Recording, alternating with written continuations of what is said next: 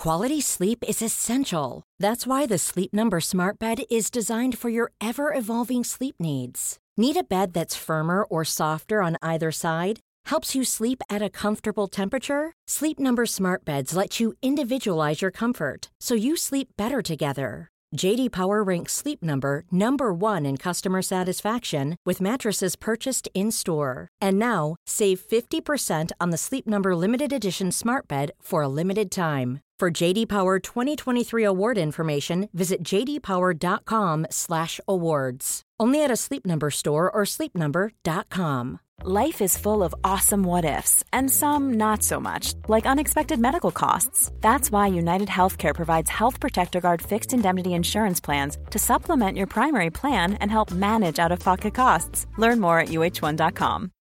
Since 2013, Bombas has donated over 100 million socks, underwear, and t shirts to those facing homelessness. If we counted those on air, this ad would last over 1,157 days. But if we counted the time it takes to make a donation possible, it would take just a few clicks. Because every time you make a purchase, Bombas donates an item to someone who needs it. Go to bombas.com slash ACAST and use code ACAST for 20% off your first purchase. That's bombas.com slash ACAST, code ACAST. Det er veldig hyggelig å ha fått Valen Valdimir inn i studio. Valen, er, snakker du om meg? Ja. Er ikke den albino-hvalen oppe i nord? ja, tusen takk. Eh, lever den, forresten? Det ser sånn ut herfra. tusen takk for det. Eh, veldig hyggelig at du sier det. Denne hvalen har jo fått seg en ny Instagram-konto. Gratulerer med dagen. Tusen takk. Eh, for folkens, vi har fått en Instagram-konto som heter Åpen journal. Eh, og da er mitt spørsmål til deg, Harald. Blir det noen tips fra skinfluenseren vår der? Eh, ja. Første post blir et intervju med Norges blekeste kvinne. Hva, hva har jeg gjort deg i dag? Nei, beklager. beklager. Du vet, men du er jo Du har vært veldig flink og unngått solen i sommer. ja, men, men, hvem ler sist? Jeg har ikke én sånn der eh, flekk jeg, som gravide ofte får i sola. Nei, det er helt riktig. Ikke ett pigment er aktivert. Så det er greit. Eh, blek og litt større enn vanlig, men eh, veldig klar for pod.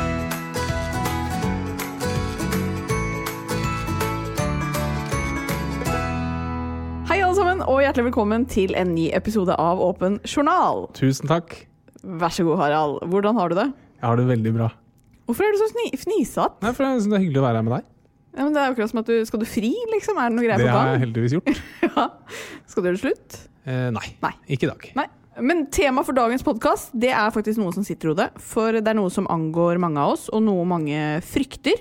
Det er faktisk den sykdommen som eh, vi nordmenn frykter aller mest å få, og det er Alzheimer.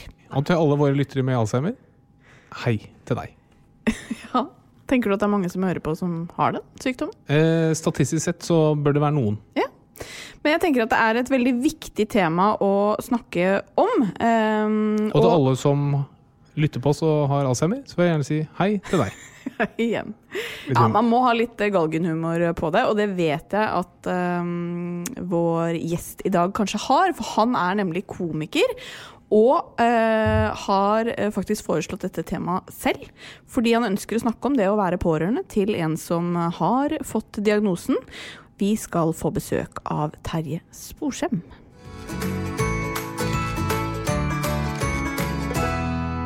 Vi har jo en relativt ny tilværelse i eh, hus, eh, Harald. Hvordan syns du det går så langt? Det går veldig bra.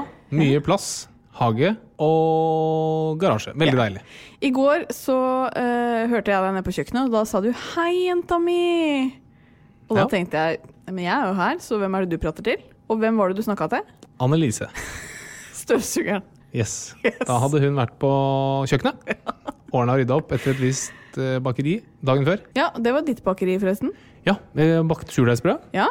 Det anbefales. Jeg har litt sånn uh, uro i magen i dag etter å ha spist surdeigsbrød til frokost. Sant? Men uh, kanskje det er uh, magen som takker meg og innstiller seg på nye, gode, og sunne bakterier i magen. Ja, fordi du har jo blitt surdeigsmann.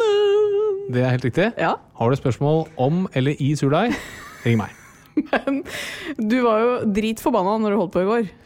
Ja, men det er ganske vanskelig. Surdeig, ja. altså Alle som har drevet i surdeigsfag en stund, vet at uh, det er en kunst. Du har holdt på en uke. Ja. ja. Det tar det å få en sånn surdeigstarter. Men er det ikke et dårlig tegn at du har blitt litt uggen i magen nå etter første skive, liksom? Det kommer an på historien man forteller seg selv. Det Ja. kan være at man tenker at jøss, det var dumt. Eller kan sånn, oi, her skjer det virkelig ting. Dette må ha vært veldig bra for meg. Okay. Fordelen for meg er at jeg har levd med annet surt i huset i årevis. Og det er meg. Det er deg.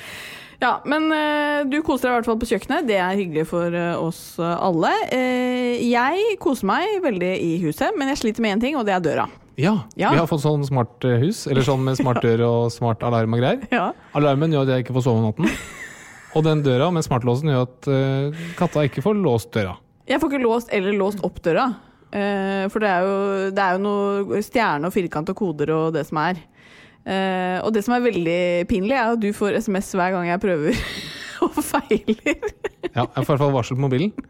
Låsing mislyktes. Og det, det tenker jeg vi bare må skru av. For jeg, jeg merker at jeg blir nervøs av å skulle gå inn og ut den døra fordi du får et varsel. Ja da, det plinger jo en del. Ja, Så vi må se en liten YouTube-video, tror jeg, på hvordan bruke den døra. Eh, Så tror jeg jeg i hvert fall blir mer komfortabel. Men det er veldig digg for oss som klarer å betjene den. Er det veldig deilig. Ja. Eh, Men vi har vært ute og feiret at vi har eh, fått oss hus. Ja. Ja. Vi tok rett og slett feiringen et annet sted enn i huset. ja. Ja. Vi har vært og spist på restaurant, og det var veldig uh, deilig. Um, men uh, til uh, gravidoppdatering. ja. Du er fortsatt gravid? Jeg er fortsatt gravid. Nærmer seg fødsel, så denne uka så skal jeg pakke fødebagen. Mm. Hva skal du ha i den? Der eh, Ja, hva blir det i den? Du, det vet jeg ikke. Nei. Det har jeg ikke rukket å tenke så mye på. Nei. Er det noe du tenker at du må ha med på sykehus, liksom? Nei. Greit. Jeg føler meg godt ivaretatt. Ja, men ok, Jeg tipper han trenger noe klær. Ja. Eh, Bilsettet må i. Ja.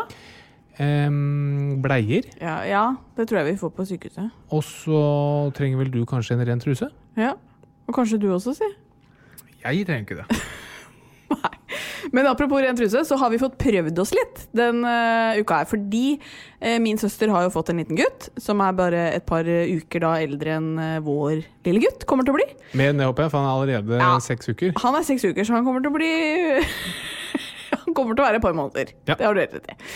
Men eh, vi fikk jo prøve oss på hvordan det var å skifte bleie, fordi han eh, trengte et skift. Og da meldte du og jeg oss frivillig og sa at eh, nå har vi lyst til å prøve oss.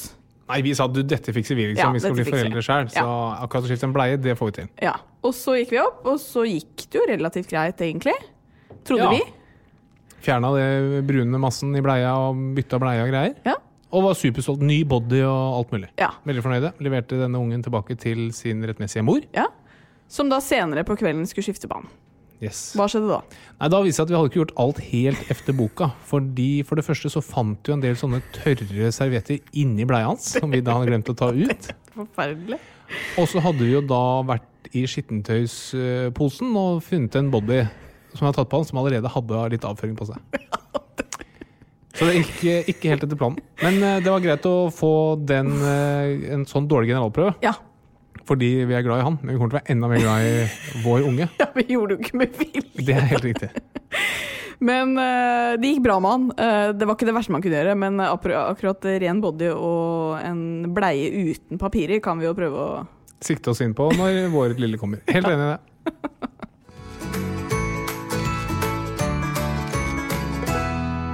I dag så skal det handle om eh, den sykdommen vi nordmenn frykter aller mest, nemlig Alzheimer. Og de fleste av oss vet jo at Alzheimer er knyttet til hukommelse og hjernefunksjon, men ingen vet jo egentlig hva som forårsaker denne sykdommen. Um, så jeg tenker vi skal bare begynne med å avklare noen begreper som er litt sånn lett å blande. Hva er forskjellen på Alzheimer og demens?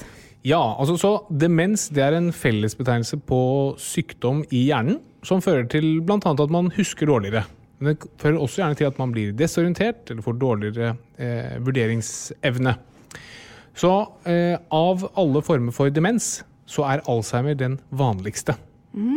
Så Alzheimer er alltid demens, men demens er ikke alltid Alzheimer. Hva annet kan gi demens, da? F.eks. hjerneslag. Altså alt som påvirker hjernen, kan du si, som er med å destruere hjernevev, eh, gir demens. Ok. Men i dag skal vi snakke om Alzheimer, som kan være en årsak til demens. Ja. Hva er Alzheimer for noe? Så Alzheimer det er jo da en sykdom, en demenssykdom, som er oppkalt etter en tysk lege, Alois eh, Alzheimer, em, og er den vanligste årsaken til demens. Det er som at eh, to tredjedeler av alle med demens har Alzheimers demens. Og veldig kort fortalt så er Alzheimers sykdom en sykdom som fører til at eh, hjernen dør. Litt etter litt, sakte, men sikkert. Og til slutt gjør at du dør. Mm. Altså Det høres jo helt forferdelig ut. Um, men kan du forklare litt hvordan det liksom gradvis faktisk uh, forløper seg? Ja, så sykdommen, altså Alzheimers sykdom den starter i hjernen veldig mange år før man får symptomer. Men den starter med at eh, hjerneceller begynner å dø. Og det man ser er at um, altså Når du studerer hjernen til de med Alzheimers sykdom, så er det at det avlæres plakk i hjernen. Altså et sånt, et sånt avfallsstoff, for å si det litt enkelt. Og at en del av strukturene inni cellene får sånn knute på seg, så de får ikke den maten de skal ha. Du kan se for deg at det fins motorveier inni cellene hvor maten transporteres. Der kommer det knute, så det blir ikke noe mat, og da dør cellene. Og når hjernecellene dør, da mister jo hjernen selvfølgelig sin funksjon. Og du ser det også på bildeundersøkelser av eh, hjernen, at den rett og slett bare blir mindre og mindre fordi cellene dør. Mm. Eh, og Alzheimers sykdom den sprer seg til hele hjernen, og som sagt, den fører til at man dør til slutt. Men det skjer ganske gradvis, og det varierer veldig hvor fort det skjer fra person til person. Eh, men du går mot en, en tilstand hvor du er helt eh, pleietrengende. Og sånn i snitt så går det ca. fem år fra man får diagnosen Alzheimers til man dør. Og så er Det sånn at det er gjerne de områdene i hjernen som behandler hukommelse, som først blir rammet. Sånn at det første symptomet er ofte nedsatt korttidshukommelse. Ok, Så du husker det som har skjedd langt tilbake i tid? Men begynner å glemme at du kanskje har tatt på kaffekanna, eller Helt riktig. Ja, ikke sant. Uh, ja, hvilke symptomer kan være tidlig tegn på det? Symptomene avhenger jo da hvilken del av hjernen som begynner å dø, hvilke områder som uh, forsvinner. Så Jeg nevnte jo hukommelse, men det er også andre områder som, som ofte affiseres tidlig i forløpet. Det kan være områder som behandler språk, eller det kan være områder som uh, omfatter oppførsel eller orientering. Altså at du sliter med å orientere deg både i rom, men også i tid. Du glemmer hvilken dag det er, hvilken årstid det er, osv. Så, så det man gjerne merker det på, er at folk enten begynner å oppføre seg annerledes, eller husker dårligere, eller får problemer med å ordlegge seg, eller at de da sliter med kanskje å kle på seg, eller nå fram til avtaler i riktig tid, eller de snubler kanskje mer, for de har problemer med å orientere seg enten når de er ute og går, eller hjemme i stua. Mm. Men altså, det, det, forskes jo veldig mye på Alzheimer, men man vet jo ikke årsaken til at hjernecellene dør? Eh, altså Man vet hva som skjer. Altså disse, Denne avleiringen av plakk i, i, hjernen vet man at er eh, en veldig viktig årsak, samt at disse motorveiene inni cellen slår knute på seg da, eh, og gjør at de dør. Men hvorfor det skjer, det vet man ikke. Er det at man lager for mye plakk, eller er det det at hjernen ikke klarer å kvitte seg med nok eh, plakk? Det vet man ikke. Nei. Men i noen veldig få tilfeller så er det helt spesifikke genfeil som ehm, eh, gjør at du får Alzheimer. Og Det er gjerne gener som styrer f.eks. dannelsen av plakk eller, eller, fjerningen av plakk fra hjernen. Og Hvis ja. du har disse genfeilene, da får du gjerne demens enda tidligere. Ok, Hvor tidlig snakker vi da?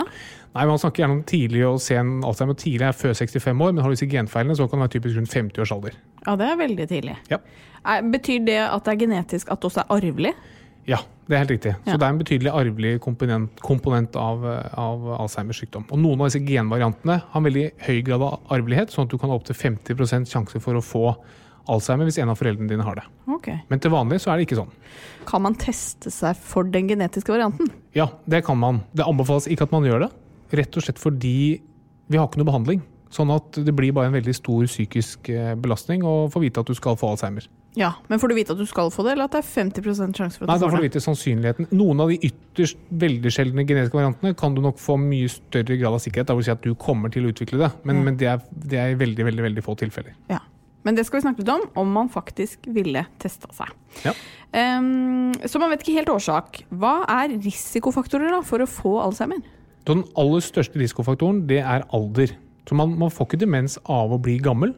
Men jo, høy, jo, eldre man er, jo høyere er sannsynligheten for at man får demens. Um, og I tillegg så er det noen andre risikofaktorer som påvirker sannsynligheten for å få det. Det ene er utdanningsnivå. Et lavt utdanningsnivå øker sjansen for å få det. Uh, overvekt øker sjansen, sammen med diabetes.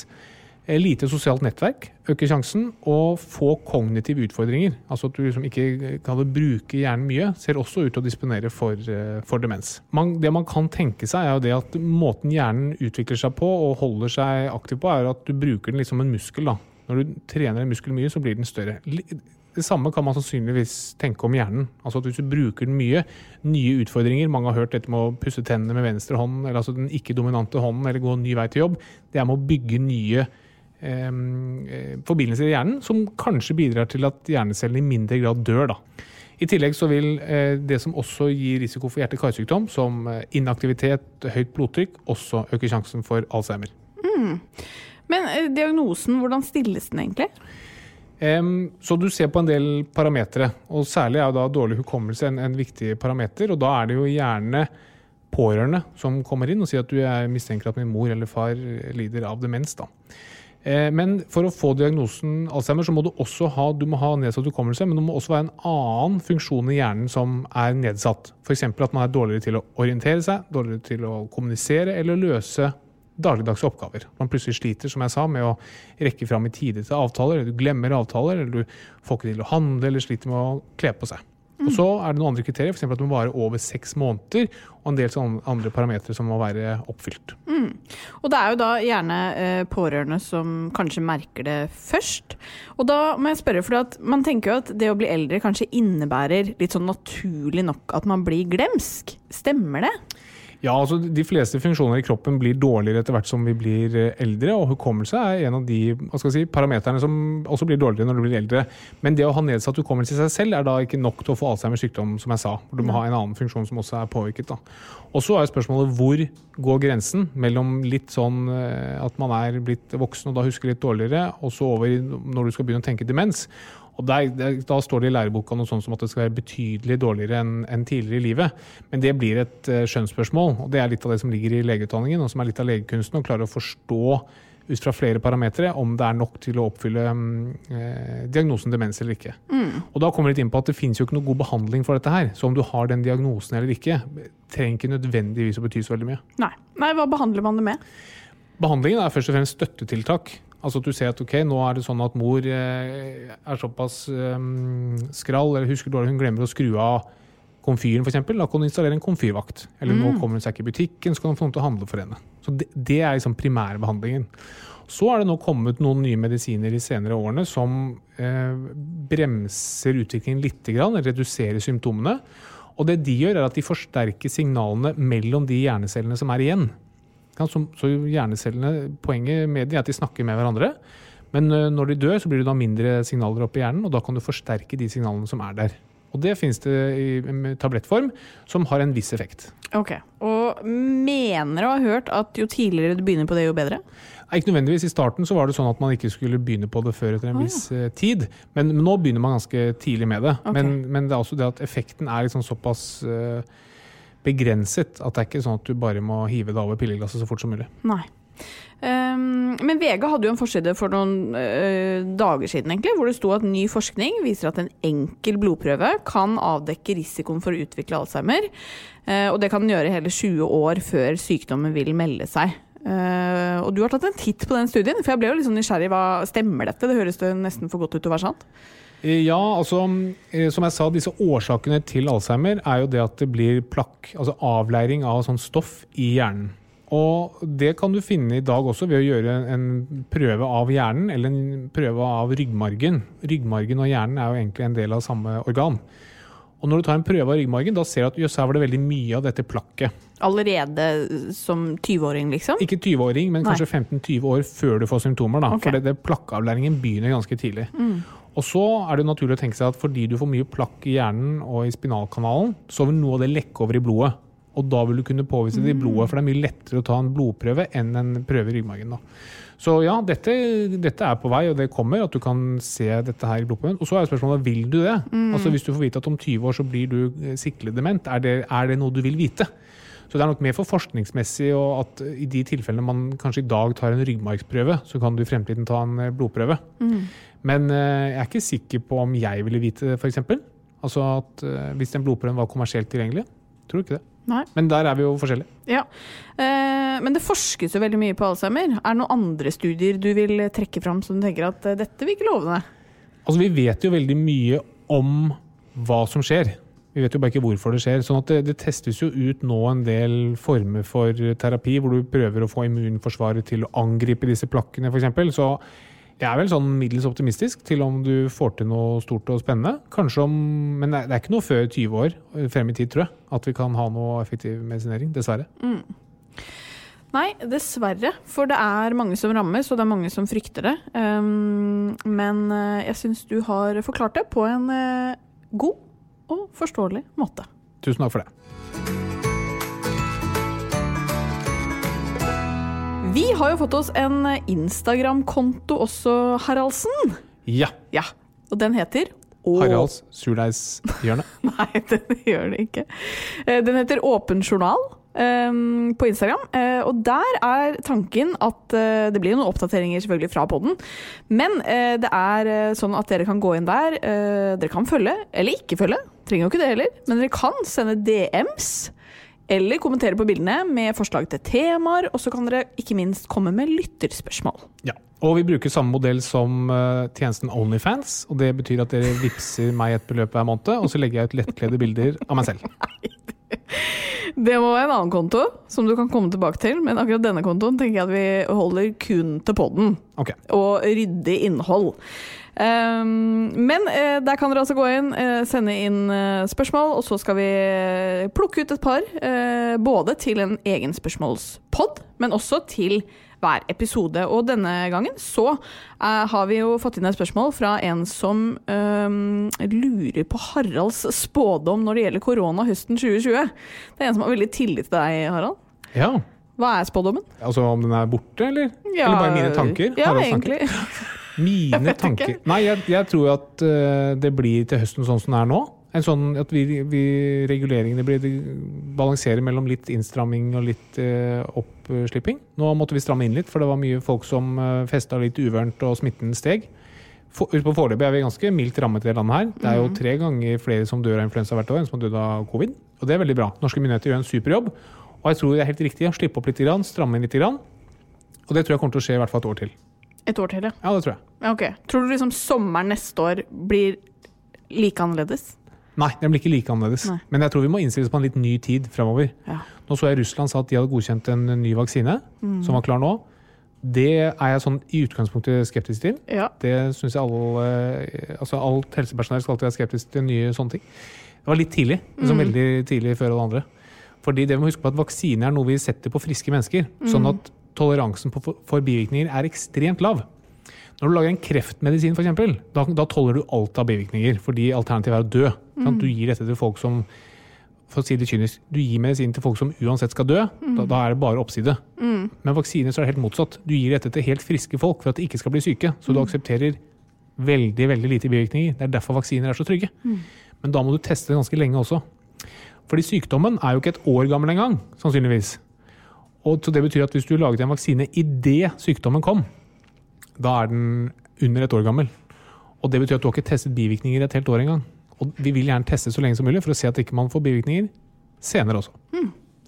Så det er min spådom. ja, veldig bra. Du kan lese mer på haraldsjulreisehjørnet.no.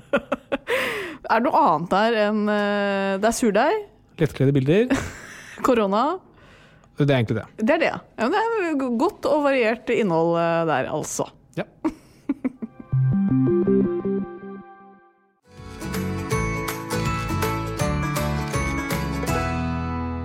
Ukens gjest er en av landets mest populære standup-komikere, nemlig Terje Sporsem. Velkommen hit. Tusen takk for det. Du, ikke bare er du populær som standup-komiker. Du er ganske klønete. Ja, ja, altså, jeg, jeg vet ikke hvor mange ganger jeg har revet ned utstyret dere her nå, før vi satte i gang. Det setter vi pris på. Jeg talte tre, nesten. Ja, det var to, to en eh, en imponerende vei inn hit, må jeg si. Snublet i alt som det ikke an å snuble i. Ja. så det første jeg må spørre, da, er det ei diagnose? Det vil jeg absolutt si. Vi har, eh, det er notert. Ja, ok, ja, bra, bra. Men en annen diagnose du har, er eh, at du er, eh, ifølge min søster, da, Norges hyggeligste kjendis. Oi! Ja, du skjønner det at eh, Jeg fortalte at du skulle komme til Ja. min søster, som var eh, Hva var hun, da? Hun var noe prodas på Skal vi danse da du var med der. Stemmer det. For det var liksom mitt, mitt første sånn store sånn reality-program, som egentlig ble litt sånn mitt kommersielle break òg. Ikke sant? For jeg, jeg var jo litt sånn Jeg holdt på med litt sånn um, ting på TV Norge, litt sånn Jackass-greier. da, i Judas og sånn. det sånn. var da, ja.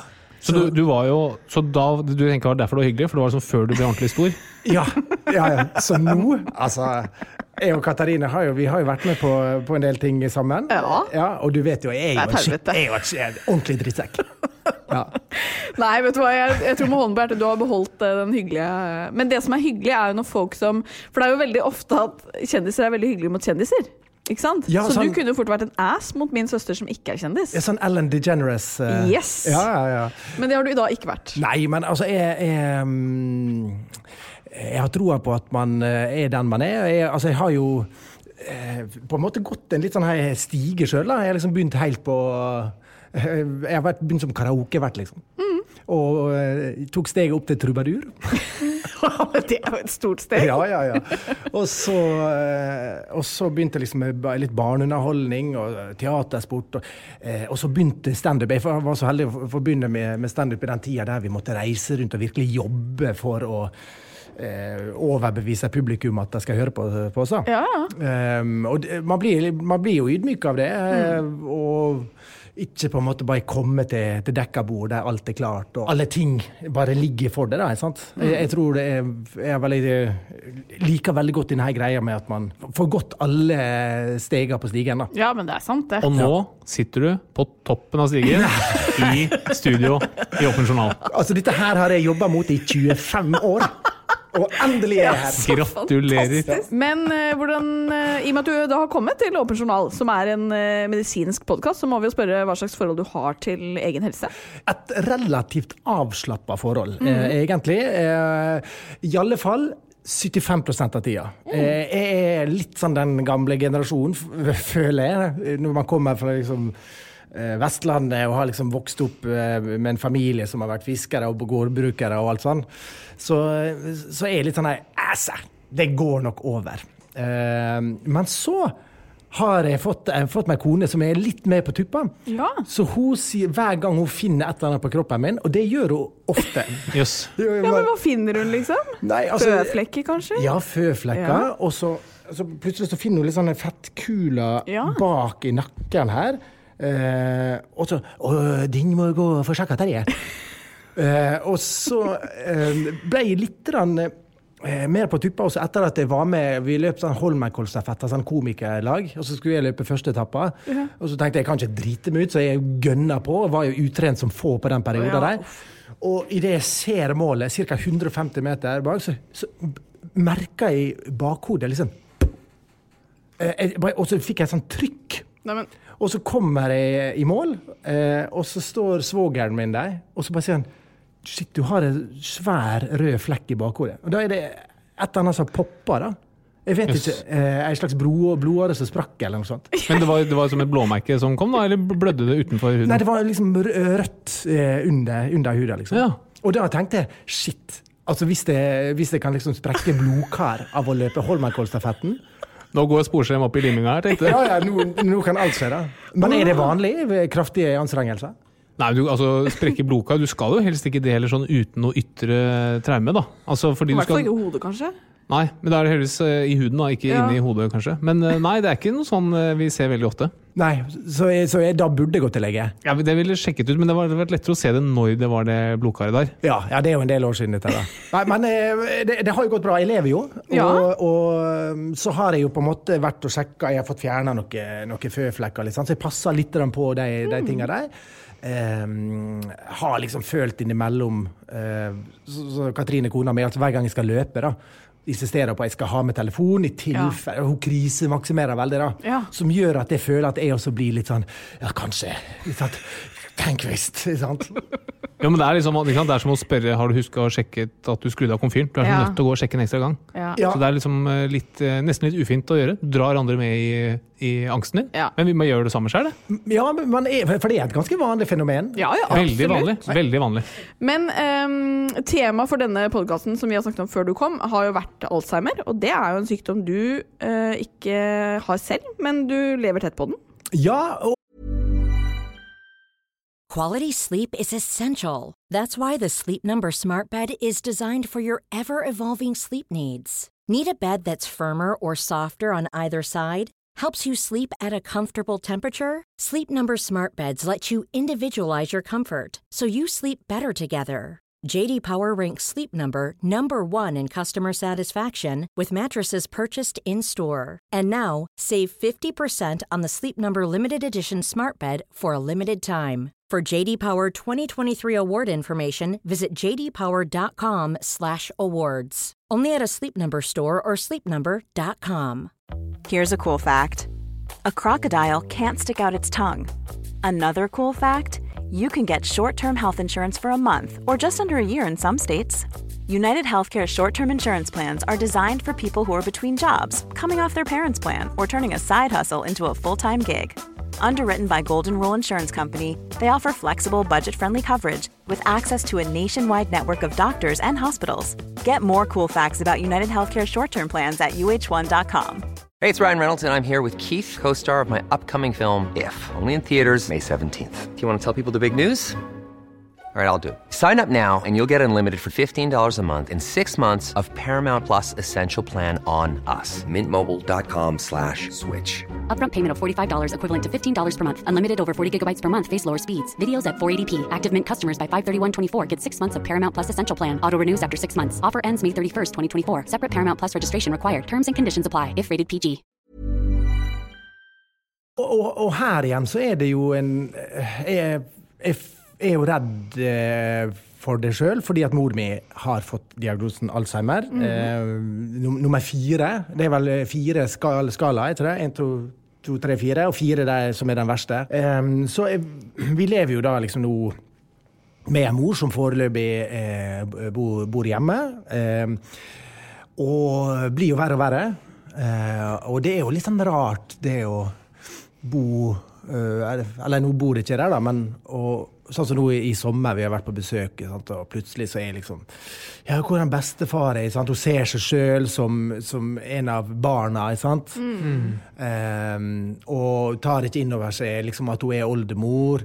Glemmer hvem, hvem eh, dattera hennes er, sant? søstera mi. Sant? Bare, plutselig, hvem, hvem er hun der? Sant? Og, og det, er jo, det, det er jo liksom Familien vår er ganske pragmatisk anlagt, så vi skjønner når dette skjer, så, så vet vi på en måte hvordan det kommer til å ende. da.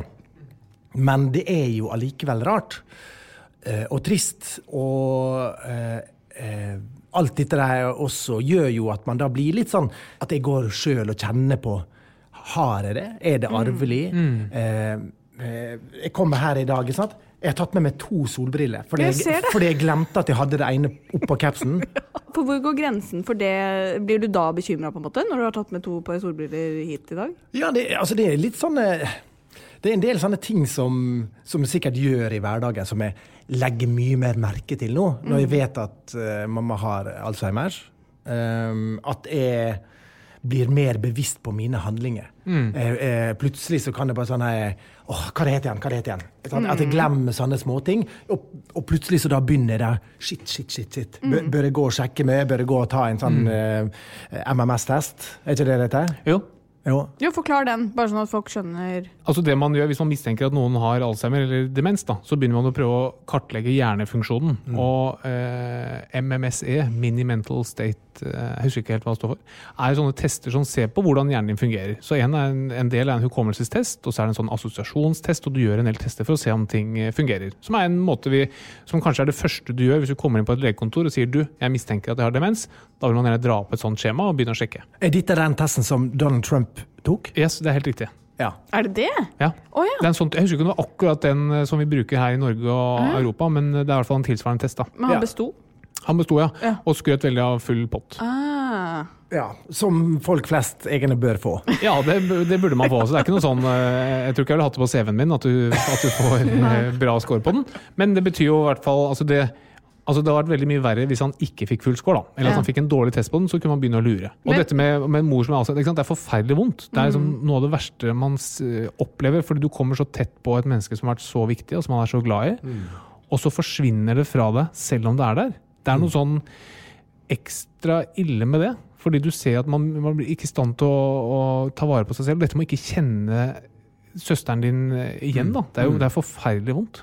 Ja, eh, og så er, så er man litt sånn her eh, Jeg føler at vi er sånn her et slags gissel for systemet, egentlig. da. Så fordi at vi vet ikke hvordan vi skal helt forholde oss til det. Sant? Så vi er på en måte typ prisgitt et, et helsesystem som, som funker, og som, som følger opp. Mm. Og så må jeg da også si at dessverre så har jo eh, det har ikke vært så optimalt. Eh, mamma har en, en fastlege som eh, hun har hatt i alle, alle år, eh, og har ikke vært på ballen. som gjorde at eh, vi har måttet tatt eh, veldig initiativ sjøl hele tida. Eh, når kommunen kom med det demensteamet for å gjøre den kartlegginga med den MMSE-testen, så fikk jo vi tidlig et brev der det sto eh, her Ja, de kategoriserte det, og fastlegen følger dere opp. Vi sitter og venter, vet ikke hvor lang tid dette skal ta. Det går eh, to måneder, tre måneder, fire måneder. Det går seks måneder. Og så sier jeg til pappa nå, nå tar du kontakt der sjøl. Vi tar kontakt med fastlegene, og han med 'Å, det, det brevet har ikke jeg sett'. Nei. Sant? Ikke sant. Så da er det seks måneder, og i et, i, i et eh, forløp med Alzheimer så er det, det er ganske lenge. Sant? Før du på en måte får satt i gang med, med medisin. Eh, og så får vi jo etter hvert da medisin, som blir brukt sånne plaster, som et eh, hva ekk eh, ja, Nå husker jeg ikke helt eh, hva, hva, hva medisinen eh, heter, da. Og så kommer vi i, i fasen der hun eh, Det på en måte skal vi dempe litt, at, at det går litt saktere. Um, og så får hun veldig fysiske reaksjoner. på At, at hun får vondt, kløe. Altså, du får liksom vondt i huden hver gang hun tar det på, så hun har et veldig ubehag. Går over til uh, tabletter. Fastlege foreskriver altså full dose, i, eh, som gjør at hun kaster opp og kaster opp og er fysisk dårlig hele tida. Så pappa tar et valg. bare sånn OK, eh, det kommer til å gå en vei allikevel. Så da vil jeg at hun heller skal ha det bedre. Så pappa kommer til der, der han faktisk skal slutte å, å gi henne medisin, fordi at legen ikke har fulgt opp på den måten. Og han, han vet jo ikke så mye. Ikke? Han gjør så godt han kan. Ja, han er snart pensjonist sjøl, og vi prøver å rådgi så, så, så det er litt sånn eh, jeg, jeg føler at når man er pårørende, da, så er man så eh, prisgitt et system som, som kan dette her. For vi kan ikke det. Vi, og, og vi sitter og googler. Og, og det er jo det verste man kan gjøre. For det, det er Ja, ja, da, er da sånn, får da du bare de verste beskjedene. Ja. Ja, det, er, det er veldig vanskelig å også være fastlege oppe. Det er ganske vanskelig, og dette klassiske sånn fastlegen følger opp. Det er veldig sjelden at man som fastlege kaller inn pasienter. Det er man, man tenker liksom at pasienten tar kontakt. da. Og dette med å slutte med medisiner, det er, veldig, det er ofte ganske riktig det. å se, altså Alle effektive medisiner har bivirkninger. Sånn er det bare. Og de symptomene som du beskriver er ganske typiske for den type medisiner. Så er det bare, bare pass alltid på, for det fins en del varianter av det. Så bare pass på at man har gått gjennom hele rekka før man bare slutter på det. Ja, At du kunne begynt med noe annet, tenker du? Ikke sant? At man bare heller stikker til legen og bare sier du, nå har vi prøvd det, det er så mye bivirkninger at jeg tenker at det kanskje er bedre for henne å slutte. Så kan det være at legen sier du, det fins et tredje preparat vi kan forsøke. da. Ja, og det, og det føler vi har gjort, men jeg, jeg bare føler at den legen ikke har vært helt der. Jeg har oppfordra pappa til å bytte lege. Eh, men det er ikke så lett, det heller. ikke sant? For det, det, dette har vel vært, liksom vært eh, eh, legen i, i 30, Ja, ja. ikke sant? Og så skal de da komme med en ny lege til mamma som da eh, vi, vi føler at, at det er bra at hun har trygge ting rundt seg. da. At hun nå kommer så Å ja, han, han kjenner til, liksom. Ja. Så, så, så det, vi står hele tida og veier litt på eh, hva vi skal, skal gjøre, da. Ja, det skjønner jeg. Det, det er kjempevanskelig. og Så fort man kommer litt i en sånn form for konflikt eller blir friksjon, så blir det veldig vanskelig. Det jeg pleier å anbefale mine pasienter, er at det du gjør da, da bestiller du time hos fastlegen hver 14. dag. Fire uker frem i tid, eller fire ganger, åtte uker frem i tid, så finner dere ut av det sammen. Ja. For da kan man liksom bare legge fram frustrasjonen sin. For ofte så er det som man kommer inn, og så føler man at man får ikke lagt fram problemet, og så føler legen de får ikke helt tak i det, og så bare skilles man, og så tenker alle at ok, så lenge man ikke bestiller ny time, så er alt i orden. da. Ja. Så jeg har veldig tro på dette med å gå til den samme, fortsette det, men heller bare være helt ærlig. Men Liksom, du, vi føler kanskje at vi ikke har fått den hjelpen vi egentlig trenger, fordi mor er sånn og sånn, og medisinen er sånn og sånn. da. Så, så pleier det å kanskje være den beste måten å få det til å gå bra igjen. For, for, for jeg, jeg står jo litt i denne her eh, altså, I og med at jeg bor i Oslo, og det gjør også søstera mi, så er det ofte at jeg snakker med pappa på, på telefon. 'Nå må du gå og gjøre det og det.' Og, og, han, han er jo fortsatt eh, delvis i, i arbeid. Mm. Dels pensjonist, og dels jobber fortsatt. Um, men jeg, jeg, jeg er så redd for å ty på så overkjøre han, da. Ikke sant? Ehm, som, som er også det, van, det vanskelige her. For det, jeg syns det, det, det å se pappa gå eh, hjemme, da, eh, og være sammen med ei som blir mer og mer eh, borte um, Jeg går jo og tenker på at shit, dette her kan jo påvirke han òg. Altså, hvis samtalene som han har i det daglige, er Nei, bestefaren din døde for 60 år siden. De skoene som står der, det er ikke noen barn som er her nå for å hente det. Ikke sant? Ehm, Og jeg, jeg vet liksom ikke hvor, hvor lett altså dette på en måte gå i det her i det daglige vil påvirke han igjen, da. Definitivt, det vil det i aller høyeste grad. Og det må huske på at dette er jo kjæresten hans. ikke sant? Dette er jo, Det er vanskelig for deg, det er din mor, men dette er kjæresten hans. Og jeg tror man tenker at ja, men man er gammel og man regner med at det skjer. Jeg tror ikke det er noe lettere av den grunn. da. Og husk på at eh, sannsynligvis så vil faren din også ha et jo eldre man blir, et mer begrenset sosialt nettverk, sånn at hun står for veldig mye av den daglige sosiale kontakten. Og det er klart at når den du har å interagere med så mye, som kanskje er den som har utfordret deg kognitivt, men også som du kan sitte og prate med og debrife litt etter en dag på jobb, han fortsatt jobber, når den blir borte, det er klart at det påvirker han. Så det er derfor jeg sier at dette må komme til legen og få, og få liksom, fått en god relasjon igjen der, er ganske viktig. For det kunne være at man skulle hatt en, en, noe hjelp i, forhold til, i form av avlasting, eller et, et, et, et dagsenter som hun kunne vært på, så han fikk en kveld fri, altså en del sånne ting, da. Det, det er jo dette her som, som du sier nå, Harald, liksom, at eh, han er kjæresten hennes. Sant? Eh, og jeg mener jo at han må, skal prøve å fortsette å være det. Ikke bli pleieren. Sant? Som han er på vei til å bli nå. Jeg ser han er med på tuppa. Han, er liksom, han går og snapper hele tida. Ja, men jeg sa jo, sant? Og så tar han seg i det. Som er jo lett å, å gjøre. Når du hele tida må hvor er solbrillene mine? Sant? For 50. gang på, på den dagen. Ehm, så um, vi, vi, vi, vi, står liksom midt i en sånn herre eh, Hvordan skal vi eh, være der mest mulig for mamma når dette her skjer, og hvordan skal vi Ta vare på pappa. Ja, ikke sant? Ja. Så, som er jo eh, den vanskelige greia, for han er jo oppegående.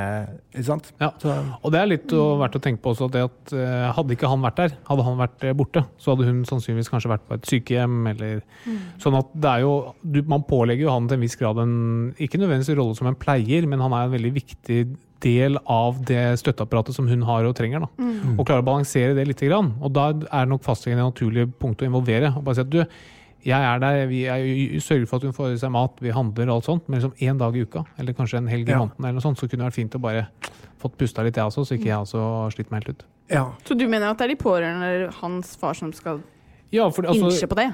Altså det som er liksom, kaller tanken fra helsevesenets side, er at hun skal ha et så bra liv som mulig. Og det betyr at hun må som komme seg opp om morgenen, hun må få på seg klærne sine, kanskje hun må ha på støttestrømpene, hun må få i seg mat, og hun må kunne gå tur og se på TV. Det er liksom helsevesenets eh, tanke for hennes liv. da.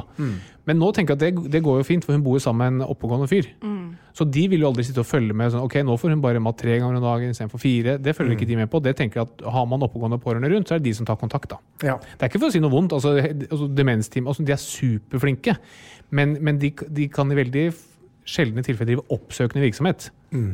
Du må komme som pårørende med en eh, Ikke nødvendigvis en bestilling, men det er gjerne der eh, første kontaktpunkt kommer fra. Men dette med å bli sint, da. Det øh, kan jeg jo tenke meg at det er veldig lett å bli.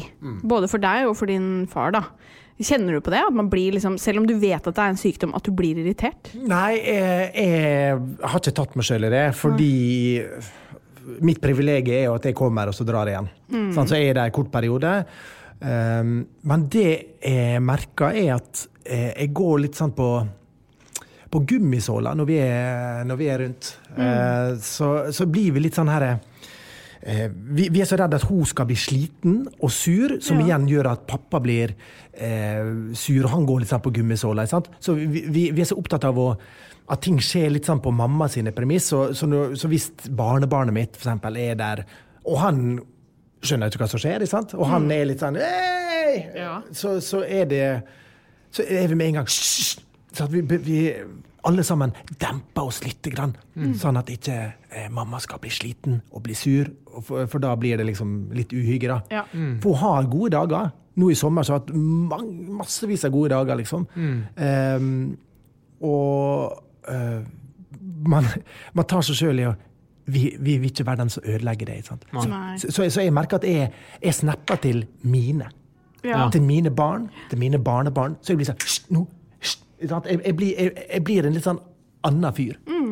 Men det er også husk på, tenk deg det fantastiske, den fantastiske livskvaliteten hun har. da. Ikke sant? Hun får bo Ja. hjemme sammen med sin kjæreste, som passer på henne. Hun har tilgang til barn og barnebarn og oldebarn. Og ja, så husker hun ikke alt. og sånn, sånn. Men det er ganske flott. da. Hun får leve et fantastisk liv til å ha den sykdommen. Ja, og jeg tror jo Jeg, jeg, jeg satt og så dette her Helene sjekker inn når hun var på um, det demenshjemmet som er her, som jeg ikke husker navnet på. Og der møter jo folk som er på det hjemmet, som er mye, mye bedre enn det mamma er, liksom. Så jeg har jo tenkt at uh, OK, hun har, hun har kommet uh, relativt langt, men hun får oppleve de tinga som hun gjør. Uh, er med på tinga. Og jeg ser hun er jo hun er jo så forelska i en pappa. Og, så, eh, og jeg blir jo helt sånn rørt på et, sånn, når de hun kommer bort til ham, så sier hun litt sånn her 'Å, du er kjæresten min', og så kysser de. sant? Ja. Og er helt eh, så, sånn barnslig nyforelska. sant? Eh, og det er veldig, veldig fine øyeblikk eh, å se, da. sant? Eh, så, jeg, så jeg tror hun har det eh, bra store deler av tida. Men nå skal det legges til i liksom greia at hun mener sjøl at hun ikke er dement. Hun har ikke tatt det inn over seg. Nei. Hver gang hun er lege, så er det noe med øyet hennes. Hun har hatt litt problemer med øyet i tillegg. Sant? Så hun, hun har ikke anerkjent at hun har Alzheimers. Eh, selv om man prøver å forklare det litt innimellom og sånn. Eh, men så har du noen små type ting. liksom, Ja, det er noe bra at jeg ikke husker så mye. liksom. Av og til så kommer det. Men hvis du sier for eksempel, du vet at du har eh, den sykdommen Vi har kommet inn på liksom, mm. vi prøver å fortelle det på en fin måte. Så er det Nei, herregud! Ja. Det, det feiler ikke med noe. Jeg husker jo alt det. Okay, Ja, Ja. Så, så det også er jo altså, det, det er mange aspekter som gjør at det, det er vanskelig som pårørende på en måte helt vite hva man skal gjøre og så ovenfor. Sant? Skal man si Du, sett deg ned her nå, mamma. Du har en alvorlig sykdom som heter Alzheimers. Mm. Man, kan ikke gjøre det heller. Nei, da, og Det er noe som bidrar til å gjøre det ekstra vanskelig. Altså har man, altså Å være pårørende til alvorlig syke er jo alltid vanskelig. Men særlig det som er problemet med demens, er at du, man gjerne som pasient ikke anerkjenner det selv. Og du, er du pårørende med kreft, f.eks., så kan man snakke helt uh, ordentlig om det. Og man kan sammen være kjempe mot kreften, da, som man gjerne bruker som begrep. Mens her blir det litt sånn uh, motbakke også overfor pasienten. Så det er, det er kjempevanskelig. Det er en utrolig eh, vond sykdom. Men for å snakke litt om eh, hvordan det er for deg, da, og din eh, på en måte mm, bekymring for å få sykdommen selv, hvordan er den? Jeg, jeg, jeg tenker jo på det. Jeg nevnte jo noen eksempler i stad med at jeg, jeg tar meg sjøl i å, å, å glemme litt ting. Jeg tar meg sjøl i å ja, gjøre ting som jeg normalt ikke ville gjort. da. Så, så jeg, jeg, jeg prøver nå å gjøre veldig mye sånne forebyggende ting. Sant? Ja, hva så, gjør du? Nei, jeg trener. Ja. Jeg prøver å spise sunt. Eh, Så har jeg gått ned litt da nå. Eh, Ja, Du ser veldig godt ut, til Terje. Ja, nå har jeg jo, skal jeg si jeg har vært med på Farmen. Åh, Ja, sant? Og da, herregud, så gøy! og da går man jo automatisk ned i vekt. Oi. Bare ved å gå inn der. Ja. Ja. Og så eh, leser mye. ja. Prøver å lese mye mer. Hva leser du? Eh, akkurat nå så leser jeg en spenningsroman, men jeg leser altså jeg er litt sånn eh, fagnerd på showene mine. Det siste showet mitt eh, mine heter Krig og religion. Ja. Så da, Før krig så leste jeg veldig mye om krig. Før religion så leste jeg veldig mye om religion og Bibel og Koran og alt sånt. Det kan man jo bli gæren av. Mhm, Det har vi jo sett en, enkelte eksempler på opp gjennom historien. Ja, og, og nå er liksom det neste showet mitt som har premiere om et års tid, det er liksom, handler litt om Norges historie. Så nå leser jeg veldig mye om Norges historie. Men det er bra for denne Alzheimer Ja, Ja, ja, Ja. huske ting. Ja. Og så eh, prøver jeg å læ- lære meg språk. Du kommer til å klare deg veldig godt i quizen, for å si det sånn.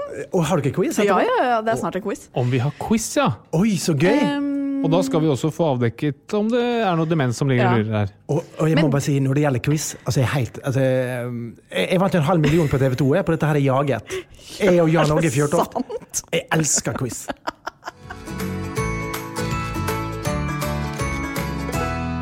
Er dere klare? Veldig, veldig. Men er det Alzheimers quiz? Er Det det? er en uh, godt og blandet quiz Godt med gode innspill fra Alois Alzheimer, legen som uh, satte navn på diagnosen. Ja. Okay. Vi starter med deg, Terje Sporsem. Eh, hvordan vet du at du ikke har blitt diagnostisert med Alzheimers sykdom? Hvordan vet jeg at jeg ikke har blitt det? Ja, eller er, er du sikker på at du ikke har blitt diagnostisert med Alzheimers sykdom? Det kan være noen tullespørsmål her, og jeg bare melder fra. Ja, At jeg ikke har fått brev fra legen? Ja, altså, du kan jo at ha har fått det og det, så bare glemt det. Ja, ja, ja. Ja. Men, men dette er Hva quiz er dette her, da?! Jeg bare spør. jeg. skjønner at du spør. Ja, men- det kommer sånne Ja, men- spørsmål innimellom eh, de okay. seriøse spørsmålene. Det er Du litt kan, sånn har ikke, du du, hørt om du kan ikke huske at du har fått noe brev fra legen? Det er svaret ditt? Ja. Katarina, hvordan vet du at du ikke har? Alzheimer? Eh, Det vet jeg ikke. Nei, ikke sant? Du kan ikke vite det. Nei. For du kan at fått en noen som har glemt det. Så da blir det poeng til meg? da? Nei, det blir ingen poeng. Det var en oppvarming. Du, jeg, Jeg er hå- jeg håper ikke du har noe sånn quiz med mye folk, der du er quizmaster og sånn. Jeg får ikke betalt for quizene på det punktet her så hadde folk begynt å kaste ting på det. det helt Neste spørsmål. Start med deg, Katarina. Ja. Hvilken av disse ordene inneholder flest konsonanter? Løk, katt, lyspære eller blåhval? Uh, det lyspære. Terje, Katt. svaret er blåhval med fem konsonanter. Konsonanter. K- t- Ja. B-L-H-V-L. Blåhval. Men er H en konsonant? Det er en konsonant, Ja. ja. Det er jo H H, K, T, T, K. Jeg tror jeg alle de harde Det er, det, det er vokaler. Jeg må hjem og sjekke posten og sjekke om jeg har fått brev fra legen. Jeg tror det. Neste spørsmål. En, en viktig ting vi bruker for å øh, se om folk er orienterte, eller om de har demens, det er å se om de er orienterte for situasjonen vi er i. Og da er spørsmålet hva heter forsvarsministeren i Norge? Start med deg, Terje. Det kom en ny en. Det kom en ny. Det har jo vært 19 Han Han, han, han, han Ok, Så du er på en mann? Ok, Ja, for, for hun Ine Marie er, er Ja. utenriks. Ja. er ikke det jeg spør om. Jeg vil ha Nei, forsvar. ja, ja, ja. Ok, du er på en mann. Har du svar, Katarina? Uh, jeg Jeg har ingen peiling. Sten. Han heter Sten. Nei. Frank Bakke-Jensen. Frank Bakke-Jensen. Ikke sant? For det er STE, ikke sant? Ja. Nei, null Nei. poeng. Frank Fader. Hadde- Jeg har ikke hørt om det. Ok, Men, øh, Så dette er jo litt sånn urovekkende, da. Fader. Neste spørsmål er bonuspoeng til, eller bonusmulighet for Terje her. Hva heter jeg? Ja, men nå, nå begynner jeg å tenke på om du har flere navn enn Harald Dublo. Ja, det er bra. Oh, ja. det er imponerende. Men om, om du har ett til? Nei, det ja, jeg Nei, til. det skal du få på, på det var poenget, ja. Mm, jeg tenkte du ikke visste fornavnet mitt, men det gjorde du. Hyggelig. Jeg tipper det er mange jeg kunne spurt i slutten av poden om spurte hva het, som ikke har noen peiling. Du har jo vært legen min opptil flere ganger. Har du vært legen til Terje? Jeg eh, Du, du jeg jeg skal fri, frita deg fra taushetsplikta. Eller husker ikke du pasientene dine? Husker eh, Du har både sydd meg, både sydd meg her på nesa, for jeg fikk et kutt uh, når jeg var- med i Camp Senkveld. Nå? Nei, eh, også i, på Sørlandet. på Sørlandet.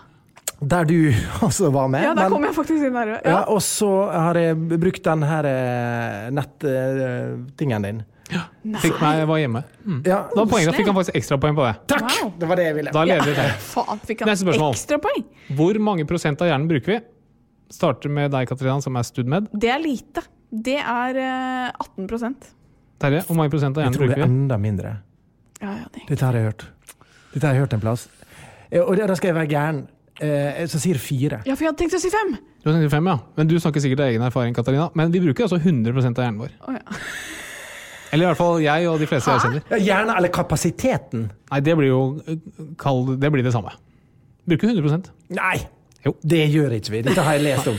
Da vil jeg anbefale at dere begynner å skru på de resterende prosentene deres. Men det er til at man bruker sånn 10% og sånn. Man bruker 100 okay. Men det vaksler litt av hvilke deler av hjernen man bruker. Ja. Da er vi over på demensdelen av ja, det var på spørsmålet. Ja, Det var på tide. Og da starter vi med deg, Katarina, sånn at du får tenke litt, Terje. Jeg stilte et spørsmål tidligere og spurte om antall konsonanter. Ja. Og da nevnte jeg fire ting. Ja. Nei, du har sittet og pugget, du. Nei, nei. Hvilke fire ting var det jeg nevnte? Eh, det var eh, Faen, hva var det første? Det var eh, katt og lyspære og blåhval. Og så var det én ting til.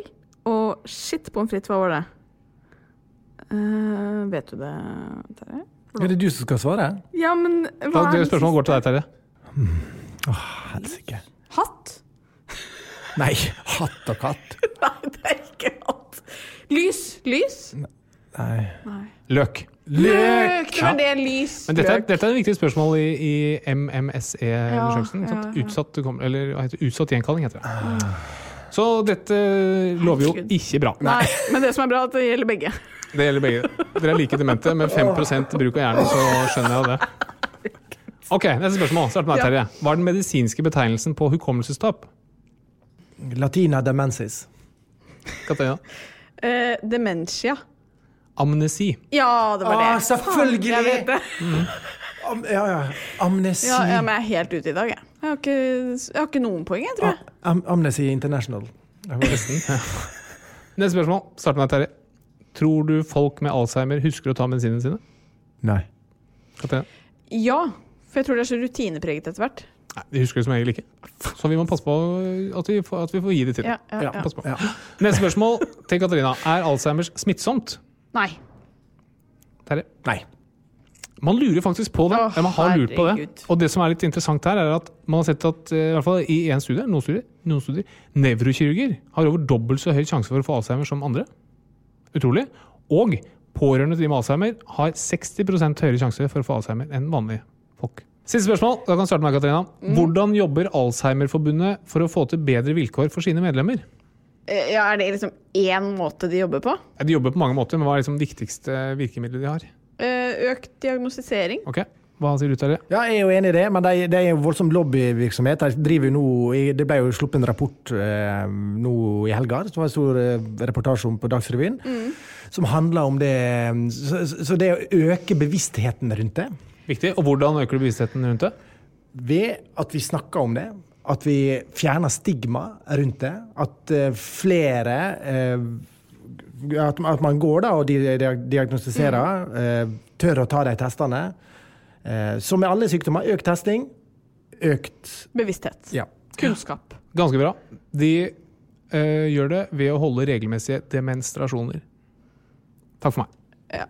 Nei, men det det er faktisk ikke greit, Harald. Fordi nå prøver Terje å svare et veldig konkret svar. Du er ikke dum, den der. Det, det, altså, Det er ikke bra heller, på en måte. Jo, jo. Grunnen til at jeg syns det her er gøy, og jeg liker det, er at eh, altfor få tør å tulle med det. Mm. Sant? Eh, du kan gjøre det og komme unna med det fordi du er lege. Eh, mens veldig mange er så var på det. Og jeg, jeg, har jo bestemt meg for at i, i det neste showet mitt så skal jeg snakke om dette her. Mm. Jeg skal snakke om det, at mamma har Alzheimers. Eh, og jeg mener at vi må, vi må tørre å og belyse det på alle måter. For, for det er alvorlig, men vi må, i det alvorlige så er det også eh, humor som man kan tulle med. Ja. Um, så, så jeg liker jo at det gjøres. Kommer jeg til å gjøre det på den Er Jeg, jeg hadde ikke betalt mye for å høre noen dra en sånn vits. Nei, Så det jeg er håper du ligger et lite nivå høyere. Ja, for nå er den podkasten gratis. Den er helt Så da, 100 gratis. så da er det greit. Så da blir det ikke Du du tar ikke med deg den vitsen til showet ditt, tenker du? Eller? Nei. Nei. Nei, Det- den er grei. Så det var ganske kontant. Jeg tror det er greit at du holder deg til legeting, og Terje til eh, standupen. Men eh, Terje, tusen hjertelig takk for at du kom, og for at du deler eh, både historien om moren din, men også det å være pårørende. For det tror jeg veldig mange kan kjenne seg igjen i. Det er, det er utrolig fint at du gjør det. Det er veldig nært. Det er, det er eh, veldig sårt. Og, det er, Ja. så det, jeg håper at, og selv om jeg tuller med det, så håper jeg folk skjønner at jeg har dyp respekt for det. Og vil aldri tulle med det, men eh, litt humor rundt liksom, enkle ting Ja, ja, ja, drar jeg til på. ja, ja. Men, men det, det må jeg si, det er utrolig flott at du sier det, og jeg, tror, jeg håper du tror at mange syns det er fint at du setter litt ord på det. For det er veldig mange som befinner seg i den situasjonen som du er i. Nei, det har vært veldig hyggelig å være her. Og så er det fint å være med liksom en som er lege, altså nesten er lege, og få spørre og stille de spørsmålene som vi lurer på. Og eh, få svaret gratis. Det setter jeg som sunnmøring veldig stor pris på. Det er fantastisk. Tusen takk for nå. Vi er tilbake neste uke. Hei da. Plan B. Planning for your next trip? Elevate your travel style with Quince. Quince has all the jet setting essentials you'll want for your next getaway, like European linen, premium luggage options, buttery soft Italian leather bags, and so much more. And is all priced at 50 to 80% less than similar brands. Plus, Quince only works with factories that use safe and ethical manufacturing practices. Pack your bags with high-quality essentials you'll be wearing for vacations to come with Quince. Go to quince.com slash pack for free shipping and 365-day returns.